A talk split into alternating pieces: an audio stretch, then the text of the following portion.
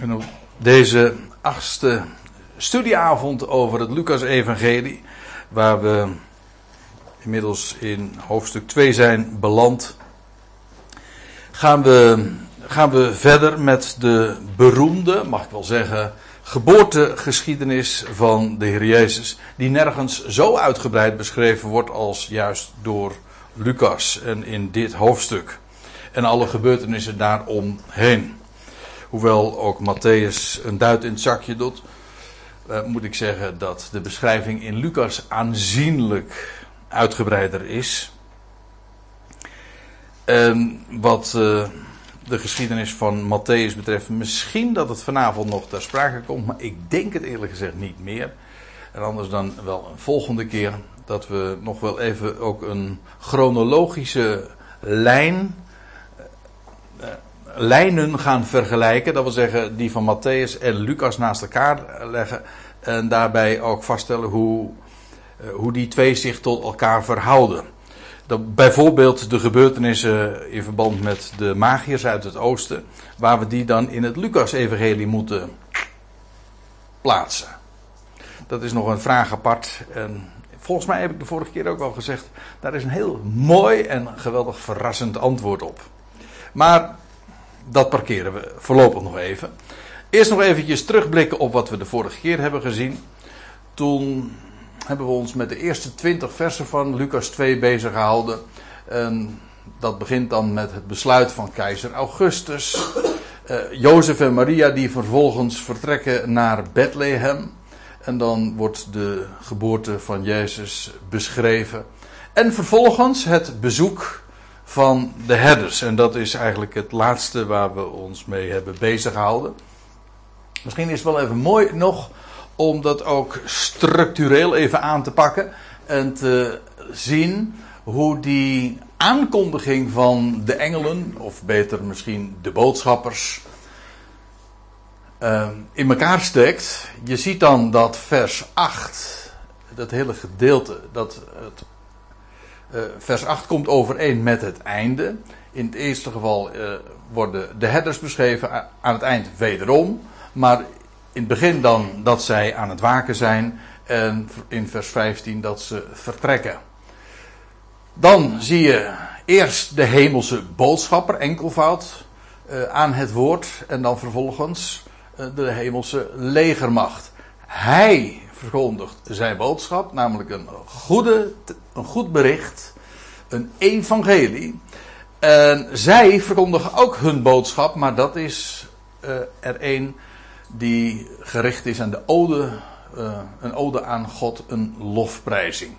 En ook hier zie je weer hoe die, uh, wij, hoe die teksten zijn opgebouwd, maar ook heel structureel eh, in elkaar steken.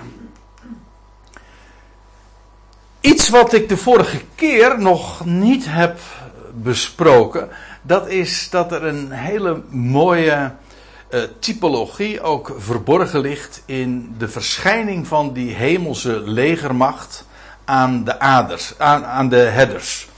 Uh, ik uh, wil u dat niet onthouden de, de diepere zin die daarin ligt besloten. De herders en de kudde die in de nacht dan de, de herders die de wacht houden voor de, over de kudde in de nacht.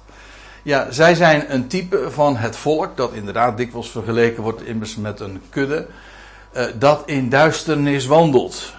Trouwens, deze term is direct ook ontleend aan een bekende passage die juist ook spreekt over een kind dat ons geboren is en een zoon die ons gegeven is. Jezaja 9. Zeg ik het goed? Ja, Jezaja 9. Dat is waar die kudde en die herders een beeld van zijn. En, maar dan verschijnt aan hen de hemelse lever, eh, de legermacht. En ik zie in die hemelse legermacht een type van Christus wederkomst, namelijk met de zijne.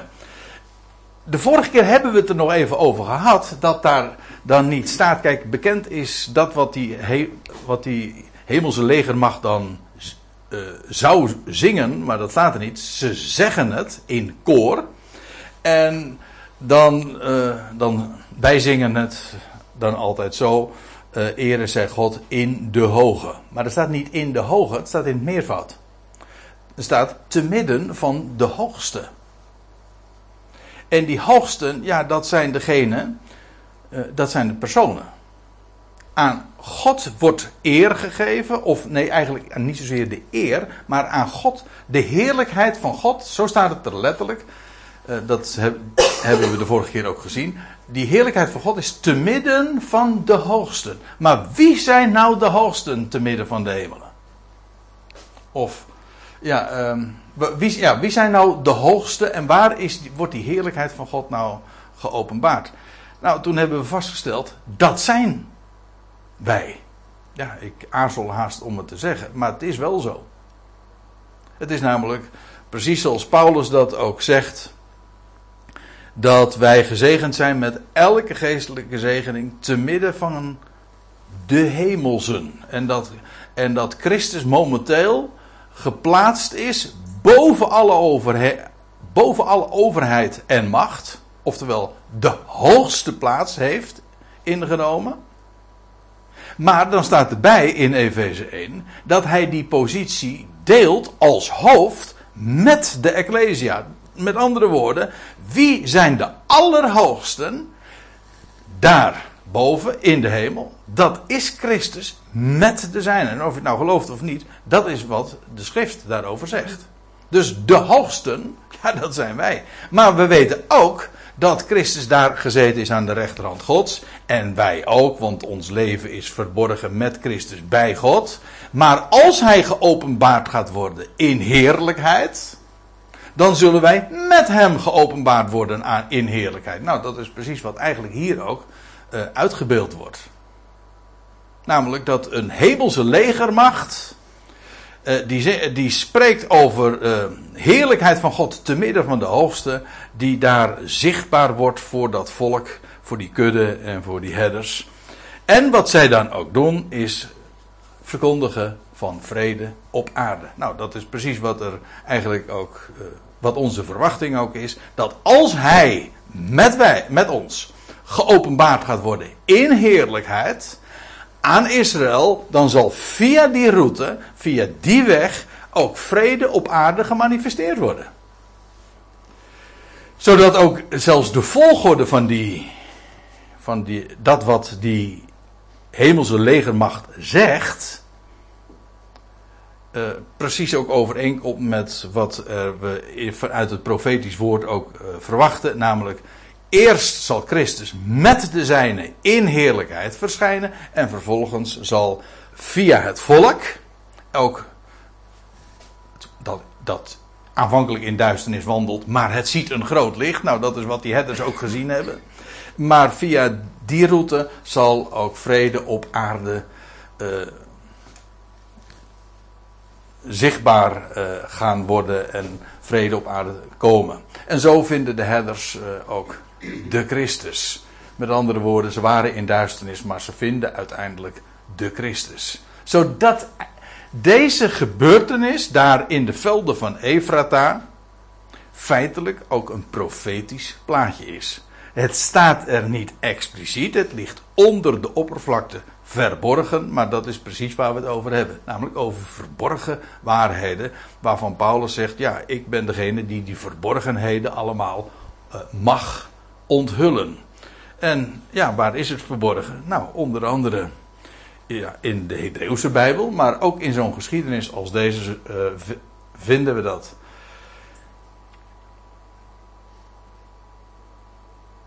Dat lijkt mij uh, ook van belang. Behalve dat we dan gewoon de historie gewoon uh, hebben gelezen. En we zijn ook wel enigszins in de details, mag ik wel zeggen, gedaald. Maar dit, eigenlijk, als, ik, als het mij vraagt, vind ik dit nog het allermooiste. Hoe dit inderdaad spreekt over de, de weg die God gaat uh, met ons. Uh, dat we zullen verschijnen in heerlijkheid. En dat zo ook vrede op aarde zal komen. Nou, We pakken de draad dan op in vers 21. Ja, het begint in mijn Bijbeltje dan ook een nieuwe uh, passage. de geschiedenis van die herders is nu voorbij. En dan staat er, in mijn Bijbel staat er dan boven de besnijdenis. En dat is precies wat er uh, dan ook volgt. En toen de acht dagen vervuld werden om hem te besnijden, kreeg hij ook zijn naam Jezus. Nou, u weet, uh, dat is de acht dagen. Dat is standaard. Hè? Een Joods jongetje wordt besneden op de achtste dag. Maar reken nou nog even met me mee.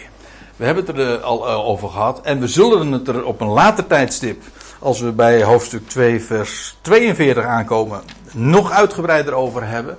Maar ik heb al even al op gezinspeeld dat Jezus inderdaad geboren is vlak voor Pesach. En dat er één datum voor in aanmerking komt en dat is de tiende Nisan. Dat was de dag dat Israël ook een lam in huis moest nemen. Nou, ga, daar, e- ga, nog even met me mee. Want dan is Jezus al ervan uitgaande dat Jezus geboren is op 10 Nisan. Dan was 10 Nisan dus de eerste dag.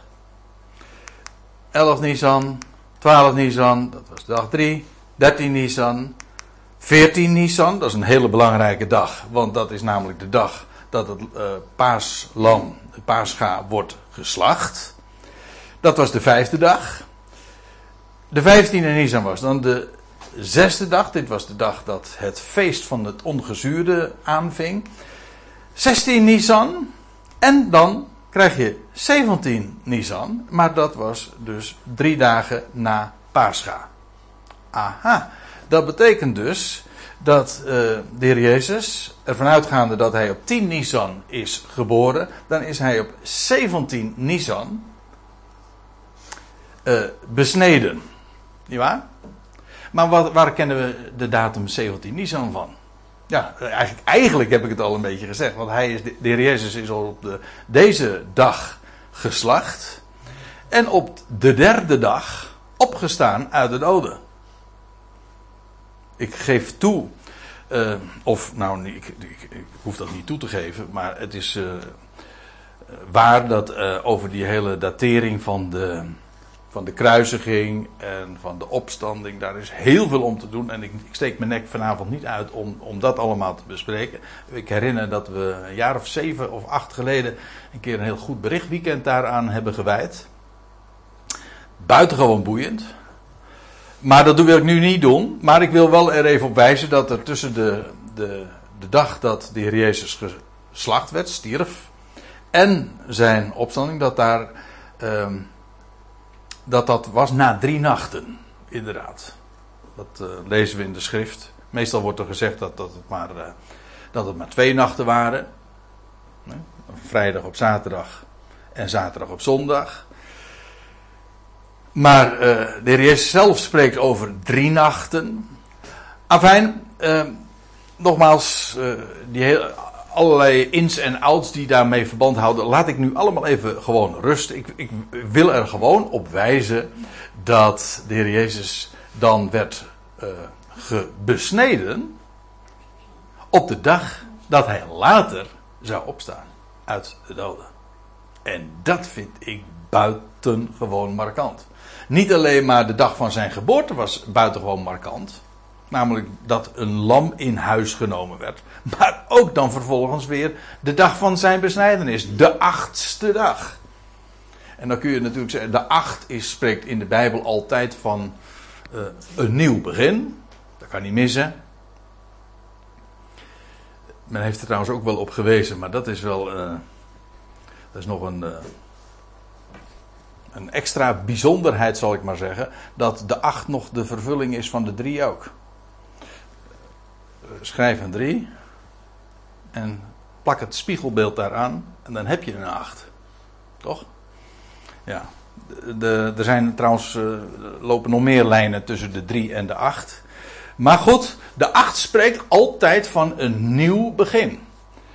De achtste dag is feitelijk ook weer uh, in een reeks van dagen uh, de eerste dag van een nieuwe week. Afijn, dat is dan het punt. Hij werd besneden op de dag van zijn opstanding. En dat is markant, niet alleen maar omdat die data met elkaar overeenkomen, maar omdat het hele ritueel van de besnijdenis op de achtste dag, een nieuw begin, precies ook overeenkomt met de betekenis van zijn opstanding. Er wordt een bedekking weggenomen bij de besnijdenis. Dat lijkt me duidelijk, nietwaar? Maar dat is precies ook wat met, op de dag van de opstanding plaatsvond. Ja, ik, wil, uh, ik weet niet uh, hoe discreet ik dat nou moet zeggen. Maar goed, waarom, waarom zouden we, zou ik niet gewoon beestje bij naampje noemen? Kijk, het idee is bij de besnijdenis dat de voorhuid wordt weggenomen.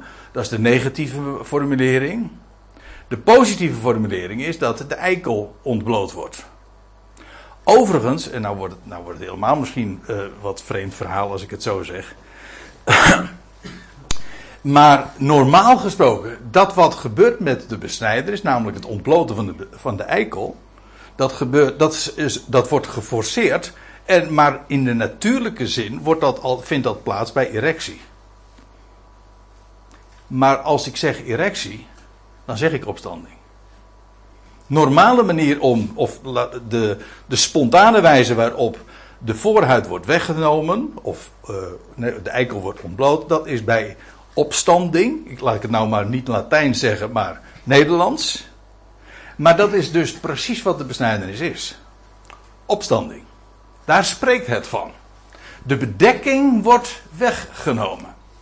Het is ook een embleem van vruchtbaarheid. Toen God zaad beloofde aan Abraham zaad beloofde. Hij zou tot een.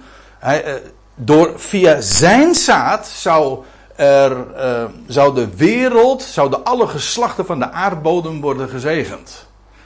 Ja, vruchtbaarheid. Maar dat is precies wat opstanding ook is. Nieuw leven. Vruchtbaarheid. Overigens dat moet ik ineens aan denken. De, in het jaar dat de Heer Jezus op, uh, opstond, dus de 17e Nisan, toen was het bovendien nog eens een keertje een, een feestdag, namelijk de dag van de eerstelingsscharven. De eersteling van de oogst, van de gerstenoogst, werd toen gebracht in de tempel en aan God uh, gewijd. Dus uh, het heeft uh, te maken inderdaad ook met de lente. Het nieuw leven, de opstanding. Maar het is, ik zou het ook nog anders kunnen zeggen, want het was een teken dat gegeven werd aan Abraham. Maar wat was het idee? uit zijn verstorven lichaam, impotent, niet in staat tot opstanding, zou nieuw leven voortgebracht worden. En het teken van die belofte, de uitbeelding of het embleem daarvan, dat was besnijdenis. Nou, nou komen, als ik het zo heb gezegd, toch alle lijntjes bij elkaar. Uh, het idee is dat uit de dood, Sarah was verstorven, Abraham was verstorven, maar uit de dood verwekte God nieuw leven. En het, de, het embleem daarvan is de besnijdenis. Maar ja, wat is. Uh, waar verwijst dat anders naar dan inderdaad naar leven dat voortkomt uit de dood? Dat de dood overwint.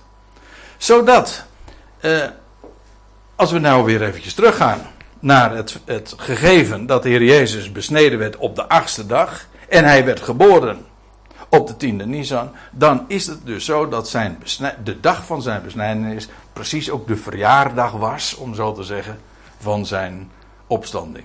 Ik had het eigenlijk omgekeerd moeten zeggen. Zijn opstanding was de verjaardag van zijn besnijdenis. Het was namelijk dezelfde datum.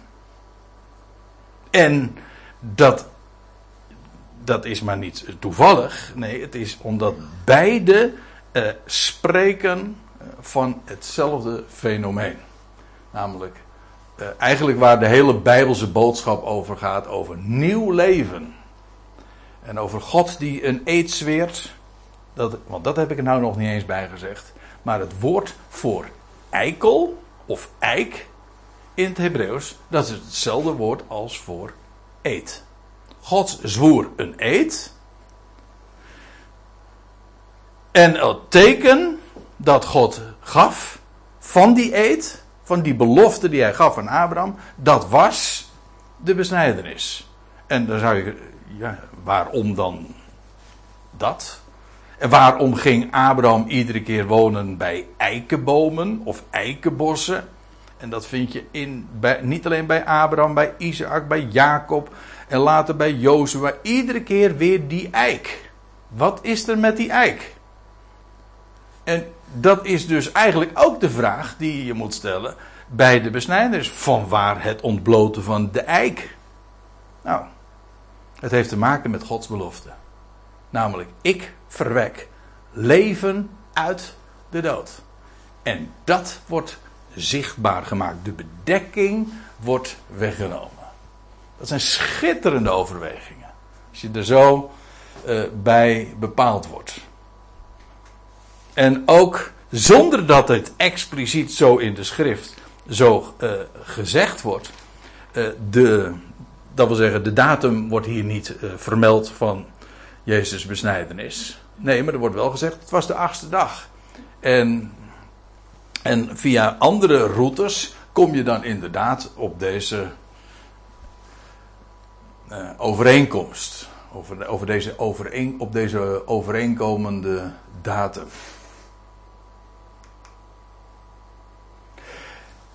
Toen de acht dagen vervuld werden om hem te besnijden, waar dat is uh, gebeurd, of dat gewoon thuis is geweest, of uh, in de synagoge. Uh, dat wordt niet vermeld, dus daar hoeven we het verder ook helemaal niet over te hebben. Toen kreeg hij ook zijn naam, Jezus. Dat lees je trouwens eerder al van, van Johannes de Doper ook, dat de naamgeving bij die gelegenheid plaatsvond. Dat uh, vindt trouwens ook uh, het kerkelijk gebruik van de doopnaam zijn oorsprong.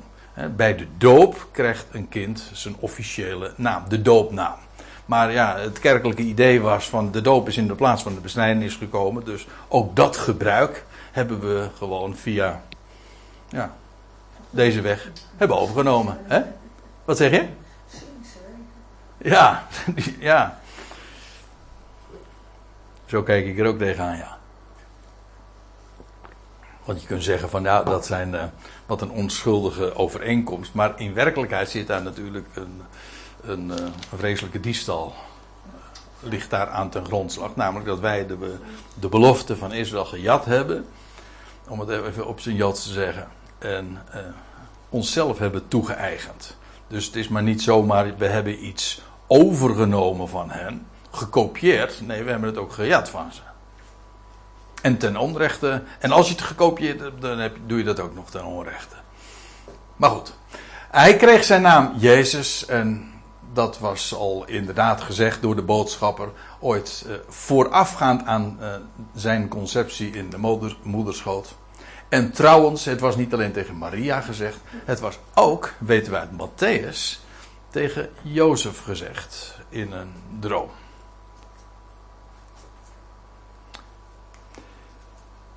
En toen de dagen vervuld werden, we lezen verder. Toen de dagen werden vervuld van hun reiniging naar de wet van Mozes, brachten zij hem in Jeruzalem om hem te presenteren aan de Heer. Nou zijn we weer een heel aantal weken verder, want uh, we weten hoe dat zit. Uh, de wet van Mozes, en dan moeten we wezen in Leviticus 12, wat een kort hoofdstuk is, maar waarin een stuk of 6, 7, 8 versen uh, die hele gang van zaken wordt beschreven. Hoe dat dan ging met een kraamvrouw die een jongetje kreeg, die dan vervolgens op de achtste dag besneden werd en 33 da dagen later werd, uh, vond de reiniging dan plaats. Bij, een, bij de geboorte van een meisje was het allemaal precies dubbel. Maal twee dus eigenlijk is ook een bijbels fenomeen. Uh, uh, het vrouwelijke heeft altijd dat dubbele in zich. De tweede. Eerst Adam, daarna Eva. De twee. Maar het was ook inderdaad bij de geboorte van een meisje precies dubbel. Was het 14 dagen en 66 dagen. En in totaal dus 88 dagen. Eh 80, sorry. 14 plus 66. Ja. Dus bij een de geboorte van een jongetje was het op de veertigste dag. Bij de geboorte van het eerstgeboren meisje was het op de tachtigste dag. En dus je kreeg dit uh, verhaal. Ik heb het zelfs even op schaal gedaan. Eerst dus op de achtste dag vond de besnijdenis plaats. En dan nog weer een aantal weken later uh, de reiniging. En typologisch zijn beide gebeurtenissen, namelijk de besnijdenis en de reiniging, komen met elkaar overeen. Want ik zei al, de besnijdenis is een, spreek, is een type van nieuw leven, uit, dat voortkomt uit de dood. Het getal uh, uh, van 8 markeert ook dat nieuwe begin.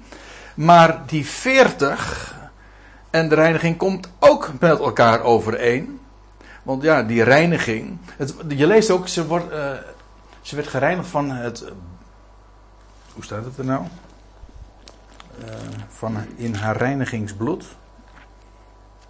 Ik weet even niet precies hoe dat dan geformuleerd wordt. Ik had het vandaag nog onder ogen.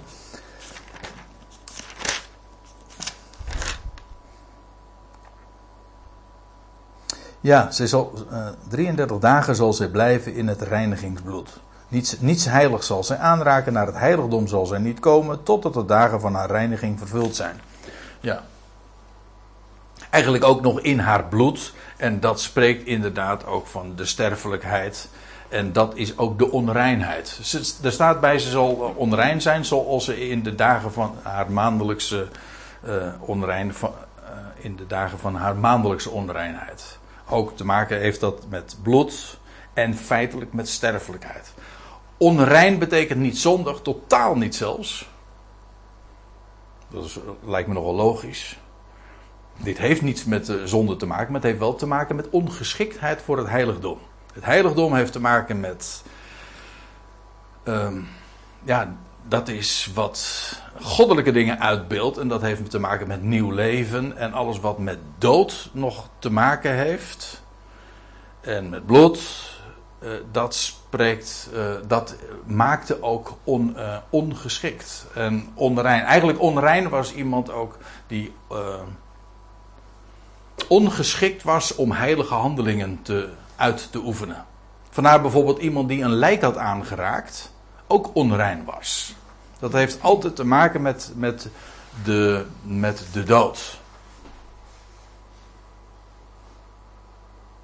Ja, dus nog een andere associatie. Eh, de 8 is, markeert inderdaad een nieuw begin, maar dat doet 40 ook. In de Bijbel ook. 40 is altijd, hoe vaak lees je die uh, periode niet van 40 dagen, 40 jaar, wat dacht je daarvan? Moet je maar zo Mozes vragen. Zijn leven is drie, verdeeld in drie keer 40 dagen, 40 jaar.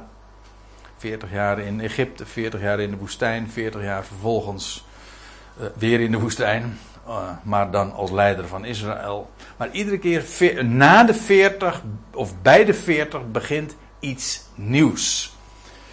En dat weten wij ook allemaal, want wij zeggen al, altijd en passen dat dan ook zo toe als iemand 40 jaar wordt, dan zeggen we het leven begint bij de 40. En maar we zijn vergeten dat dat te maken heeft van origine met de geboorte. Namelijk, het de leeftijd beginnen we te rekenen bij de geboorte. Namelijk na, wij zeggen dan meestal rekenen in maanden en zeggen na negen maanden. Maar als je rekent in termen van weken, iets preciezer dus, dan zijn het 40 weken. En dan, dan begint de leeftijd te tellen. Dus het leven begint dan bij de 40. En zodat die reiniging, uh, het schoonwassen, eigenlijk ook weer uh, uh, gereinigd worden van de dood, maar dat is dus feitelijk ook weer nieuw leven.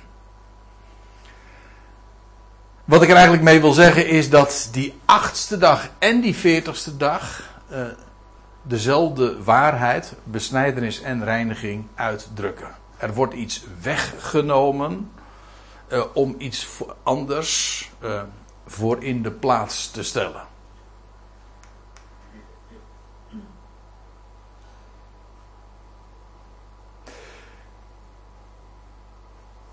Toen de dagen dus vervuld werden van hun reiniging naar de wet van Mozes, brachten zij hem vanuit, Jeruz vanuit Bethlehem uiteraard dus, want daar bevonden ze zich, eh, in Jeruzalem om hem te presenteren aan de Heer. om hem voor te stellen.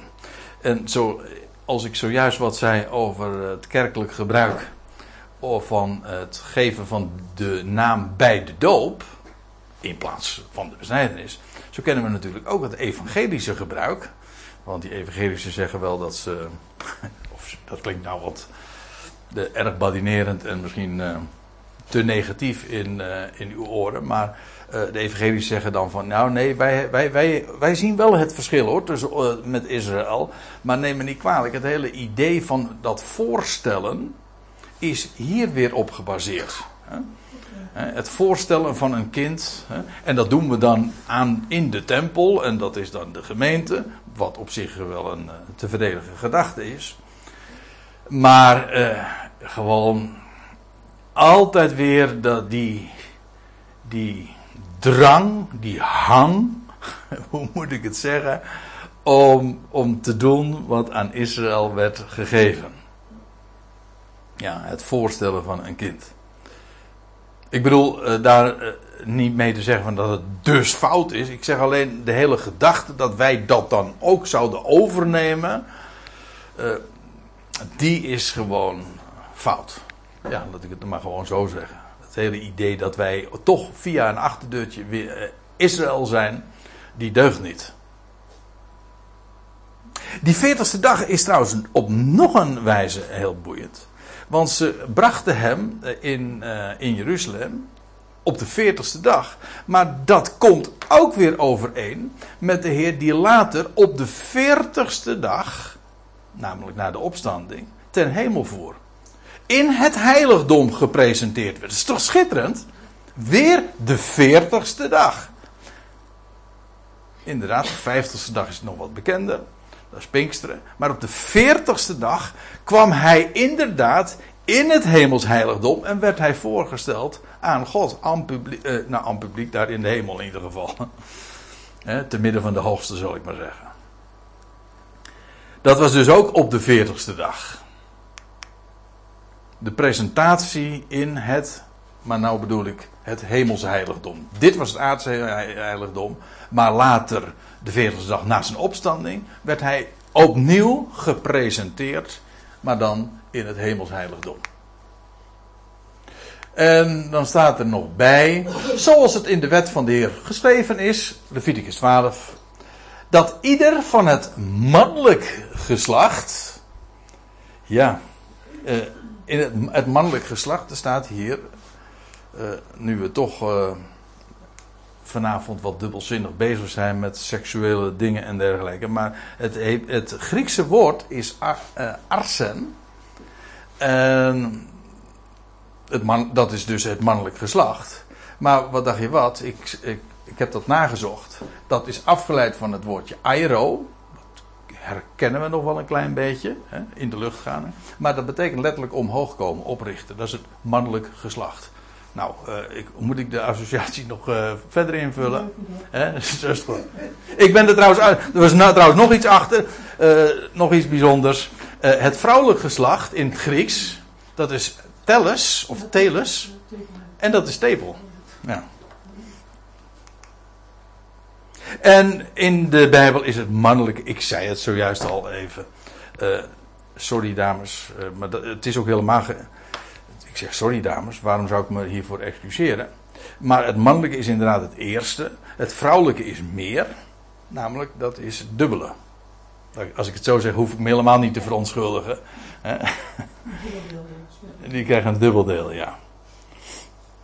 Ja. Maar het mannelijke staat inderdaad voor het, uh, voor het eerst. Eerst was Adam, daarna Eva. Uh, zo was het namelijk geregeld dat ieder van het mannelijk geslacht die de baarmoeder ontsluit.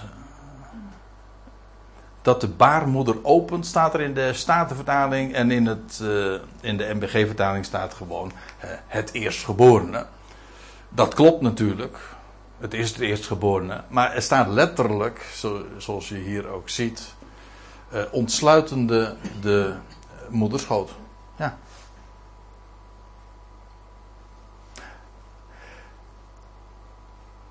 In de wet was, uh, staat het al beschreven dat alles van het mannelijk geslacht, dat de baarmoeder ontsluit, al, wat de baar, ja, zo staat het ergens, uh, of meerdere malen, al wat de baarmoeder opent, is mijn, zegt de Heer.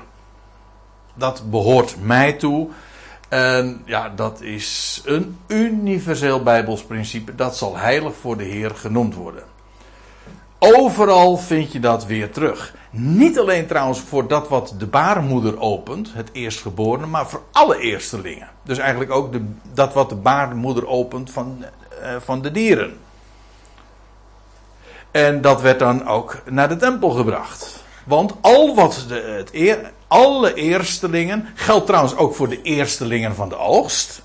Ik had het net over de, eersteling, de van de gerstenoogst. Waar ging dat naartoe? Naar de tempel. De eerstelingen van de, van de tarweoogst. Dat was 50 dagen later dus, met Pinksteren. Dat ging naar de tempel. De eerstelingen met de wijn en de, druiven, ja, de druivenoogst en de, de vijgen. Ging allemaal naar de tempel. Al het eerste, dat werd aan God gewijd. En het idee daarbij is dat eerstelingen zijn heilig. En ontvangen, niet verdienen hoor, want er valt. Ja, wat, wat voor verdienstelijks is er aan het feit dat je het eerste er bent? Dat is geen verdienste, dat ben je gewoon. En hè, je, als je de oudste in een huis bent, heb je, is dat een verdienste? Nee, maar uh, ik zal je vertellen, het heeft wel grote consequenties. Ik zeg niet zozeer bij ons, want wij zijn dat allemaal een beetje kwijtgeraakt. Maar van origine in de Bijbel wel in elk geval. Dan maakte het heel veel uit of je het eerst geboren was, ja of nee. Eigenlijk het hele boek Genesis gaat daarover. Over die strijd tussen ja, wie heeft nou het eerstgeboorterecht. En het was zelfs zo, de, we kennen dat allemaal van de geboorte van, uh, van, dat, van die tweeling in uh, die geschiedenis van Juda en Tamar. Dat, uh, dat, dat, dat merkwaardige geschiedenis dat dat, dat, dat, dat, jochie, het was dat bij de geboorte, dat een van de tweeling zijn handje uitsteekt en dat toen die vroedvrouw zo voortvarend was, dat ze een, scharla, een rood scharlaken koord om zijn pols, om zijn hand bindt. En wat gebeurt er? Wat die vrouw, vroedvrouw nog nooit had meegemaakt. Dat jongetje trekt zijn hand weer terug. En wat gebeurt er? Dat andere jongetje komt vervolgens. En dan zegt ze: Hoe ben jij doorgebroken? En ze noemde hem Peres. Maar Peres betekent breuk. Ze had de eerste, de een had zijn hand uitgestoken, maar trekt zijn hand weer terug. En uh, eigenlijk de komst van Peres, uh, pardon, de komst van Zerach, want zo heette dat een andere ventje, opkomend licht, werd onderbroken. Maar hij kwam wel, als, maar uiteindelijk toch als laatste. En zo was, ja, en nou is de grote vraag, wie was nou de eerstgeborene? Degene met het scharlakenkoord of die ander? Ja, zoek het maar uit. Maar uh, ja, weet je, bij dat soort geschiedenissen, uh, ja, die vertellen eigenlijk uh, ook weer deze dingen waar we het nu over hebben. Over de komst van de Heer, het opkomende licht, Serach. Ja, maar zijn, hij, hij, hij stak zijn hand uit. Maar vervolgens Pas op een later tijdstip verschijnt hij alsnog. Openbaart, leuk woord hè. Openbaart hij zich nog alsnog. Als het, maar zijn komst is onderbroken. Nou, dat is Peres. De zoon van Juda. Aan wie de scepter werd gegeven, nu weet u wel. Want dat zit er eigenlijk allemaal achter. Nou, voor de rest ja, het eerstgeborene, dat is zo'n uh, belangrijke kwestie. Maar nou nog even wat. Waarom uh, is de Ecclesia nu in onze dagen, waarom krijgt dat de hoogste bestemming? Zijn wij beter? Wij, we krijgen nog een veel hogere bestemming dan Israël straks. Israël straks op aarde is trouwens ook weer een volk van eerstelingen, omdat zij de eerste oogst eigenlijk op aarde zijn. Maar wij Wij zijn hemelingen. Wij zijn, aan, aan ons is een plaats gegeven. Al het eerstgeborene is mijn. Ja, maar dat de eerstgeborene is Christus. Maar wij zijn met hem verbonden. En dus delen wij in zijn positie. En dat eerstgeboorterecht komt dus eigenlijk ook bij ons terecht. Omdat wij verbonden zijn met de eerstgeborene. Dat is het Bijbelse gedachte. En vandaar ook dat wij de hoogste bestemming hebben. Namelijk een hemels lotsdeel. Ja, en dan zeg je, daar valt niks aan te verdienen. Het feit dat wij in dit tijdsgewricht, in die onderbroken komst, in die breuk, in die twee millennia uh, geloof ontvangen. Ontvangen, jawel. Dat is toch geen verdienste. Dat is een geweldig voorrecht dat je ten deel valt. Ja, en omdat je daar, omdat dat je ten deel valt, krijg je die bestemming. En dan zeg je van ja, maar uh, waar is het roemen? Nou, dat is uitgesloten. Je krijgt het. Maar zo gaat het nu eenmaal. En uh, van de week hadden we nog een, heel, of we, had ik een heel gesprekje nog erover hoe dat gaat in de natuur. Over uh, ja, wat, uh, wat bloeit nou het eerst. Je ziet nu allemaal narcissen en kroken. Ja, en er zijn andere bloemen dat, en bomen en struiken. Ja, dat duurt nog eventjes voordat dat allemaal in bloei komt. Ja, waarom? Zijn die minder? Nee, dat is, uh, alle, alles in zijn eigen rangorde. En dat geldt, uh, voor, uh, en dat geldt voor deze dingen ook. Ieder in zijn eigen rangorde. Christus de eersteling en wij die van Christus zijn. En daarna, nou ja, zo, zo gaat dat in de natuur zijn werk. Of, of, zo gaat dat in de natuur. en zo is het in geestelijk opzicht niet anders. Overigens, de eerstelingen, dat zijn uh, altijd nog de. Dat zijn, dat zijn maar enkelingen nog. De groot, dat zie je ook altijd in de Bijbelse uh, uh, spreken daarover. De eerstelingen zijn niet de oogst. De oogst is het grote geheel. Maar de eersteling is wat eigenlijk aan de oogst voorafgaat. Dat zijn de eerstelingen. Heb je ook nog een nalezing? Maar goed, daar hebben we het nu even niet over. Uh, het gaat er even om het, het, wat de baarmoeder opent, het eerstgeborene, dat is heilig, apart gezet, want dat is wat heilig betekent voor de Heer. Uh, ja, dat is uh, een, een status die van Gods wegen is toegekend. En er staat er nog bij, en oh, vervolgens kwamen daar dus uh, in Jeruzalem. En om een offer te geven naar wat in de wet van de Heer uitgesproken was, uh, is, sorry. een koppel tortelduiven of twee jonge duiven. De, moet ik erbij zeggen, dat was eigenlijk een uitzondering. Want normaal gesproken staat er dat men een stuk kleinvee zou offeren bij die gelegenheid, op die veertigste dag. En dan, maar er staat erbij. Um, ja, ik, ja ik, zeg dat er nog maar eventjes bij. Want je zou kunnen zeggen, uh, want de gebruikelijke gedachte even, hè? Ik ga het nog niet helemaal recht zetten, maar laten we eventjes alvast in de moed komen. De gebruikelijke gedachte is, de herders die zijn bij uh, het kindje, de baby Jezus, Jezus geweest. En ze, hadden, en ze hadden hun hielen nog niet gelicht. En toen kwamen de magiërs eraan. Nou, forget it, dat zo is niet gegaan. Dat is pas een veel, ander, uh, veel later tijdstip en bovendien op een heel andere locatie ook geweest. Dat verklaart ook dit. Want stel je voor dat inderdaad de magiërs ook uh, al bij de baby waren geweest, nu. Wat sowieso al niet kan, want dan hadden ze ook nog eens een keer uh, de, eerst moeten vluchten naar, uh, naar Egypte. Maar goed, dan zou je zeggen van ze wat gaven die magiërs? Die gaven goud, me, goud, mirre en wierook. Toch? Nou, vooral dat eerste, trouwens twee, is, uh, dat is echt zeer kostbaar. En die zijn echt niet met een knullig geschenk uit het oosten gekomen hoor. Dat waren magistraten. Ja, we zeggen magiërs. Dat is ook zo, maar het waren waarschijnlijk ook magistraten.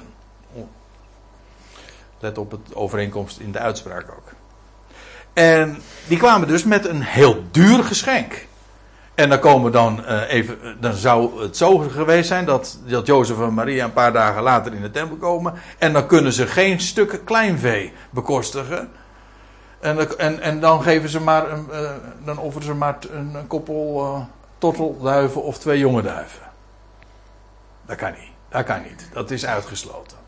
Jozef en Maria, dat is één ding duidelijk. Dat, waren, dat waren gewoon een twee arme mensen. Ze hadden niet veel. En het staat er gewoon ook bij, want er staat in Leviticus 12 dit. Ik lees even voor uit de NBG-vertaling. Indien echter haar vermogen, dat wil zeggen van de kraamvrouw, niet toereikend is voor een stuk kleinvee, dan zal zij twee tortelduiven of twee jonge duiven nemen. De ene ten brandoffer, de andere ten zondoffer en de priester zal over haar, niet verzoening, maar bedekking doen en zij zal rein zijn. Ja, Ja, waarom nou twee jonge duiven? Uh, ik, laat ik het eventjes bij deze verwijzing uh, laten. Daar wordt namelijk in Leviticus 14 weer over twee duiven gesproken. Die ene wordt dan geslacht en de ander wordt in het bloed gedoopt en vervolgens vliegt die, uh, vliegt die weg. Wonderlijk verhaal, maar spreekt weer van dood en opstanding. Kan niet missen. Maar het gaat mij nu even om het punt dat Jozef en Maria dus geen stuk kleinvee kunnen betalen. Hun vermogen was niet toereikend. En dus mochten zij, dat is volkomen legaal, mochten ze uh, iets anders offeren, namelijk twee duiven. En dat hebben ze dus gedaan, maar dat betekent dus dat zij uh, arm waren, geen vermogen hadden. Niet rijk genoeg om een stuk kleinvee te kopen. Nou, ik zie dat het 5 van 9 is. Misschien is het verstandiger om nu eerst te gaan drinken. Dan gaan we straks verder namelijk met Simeon.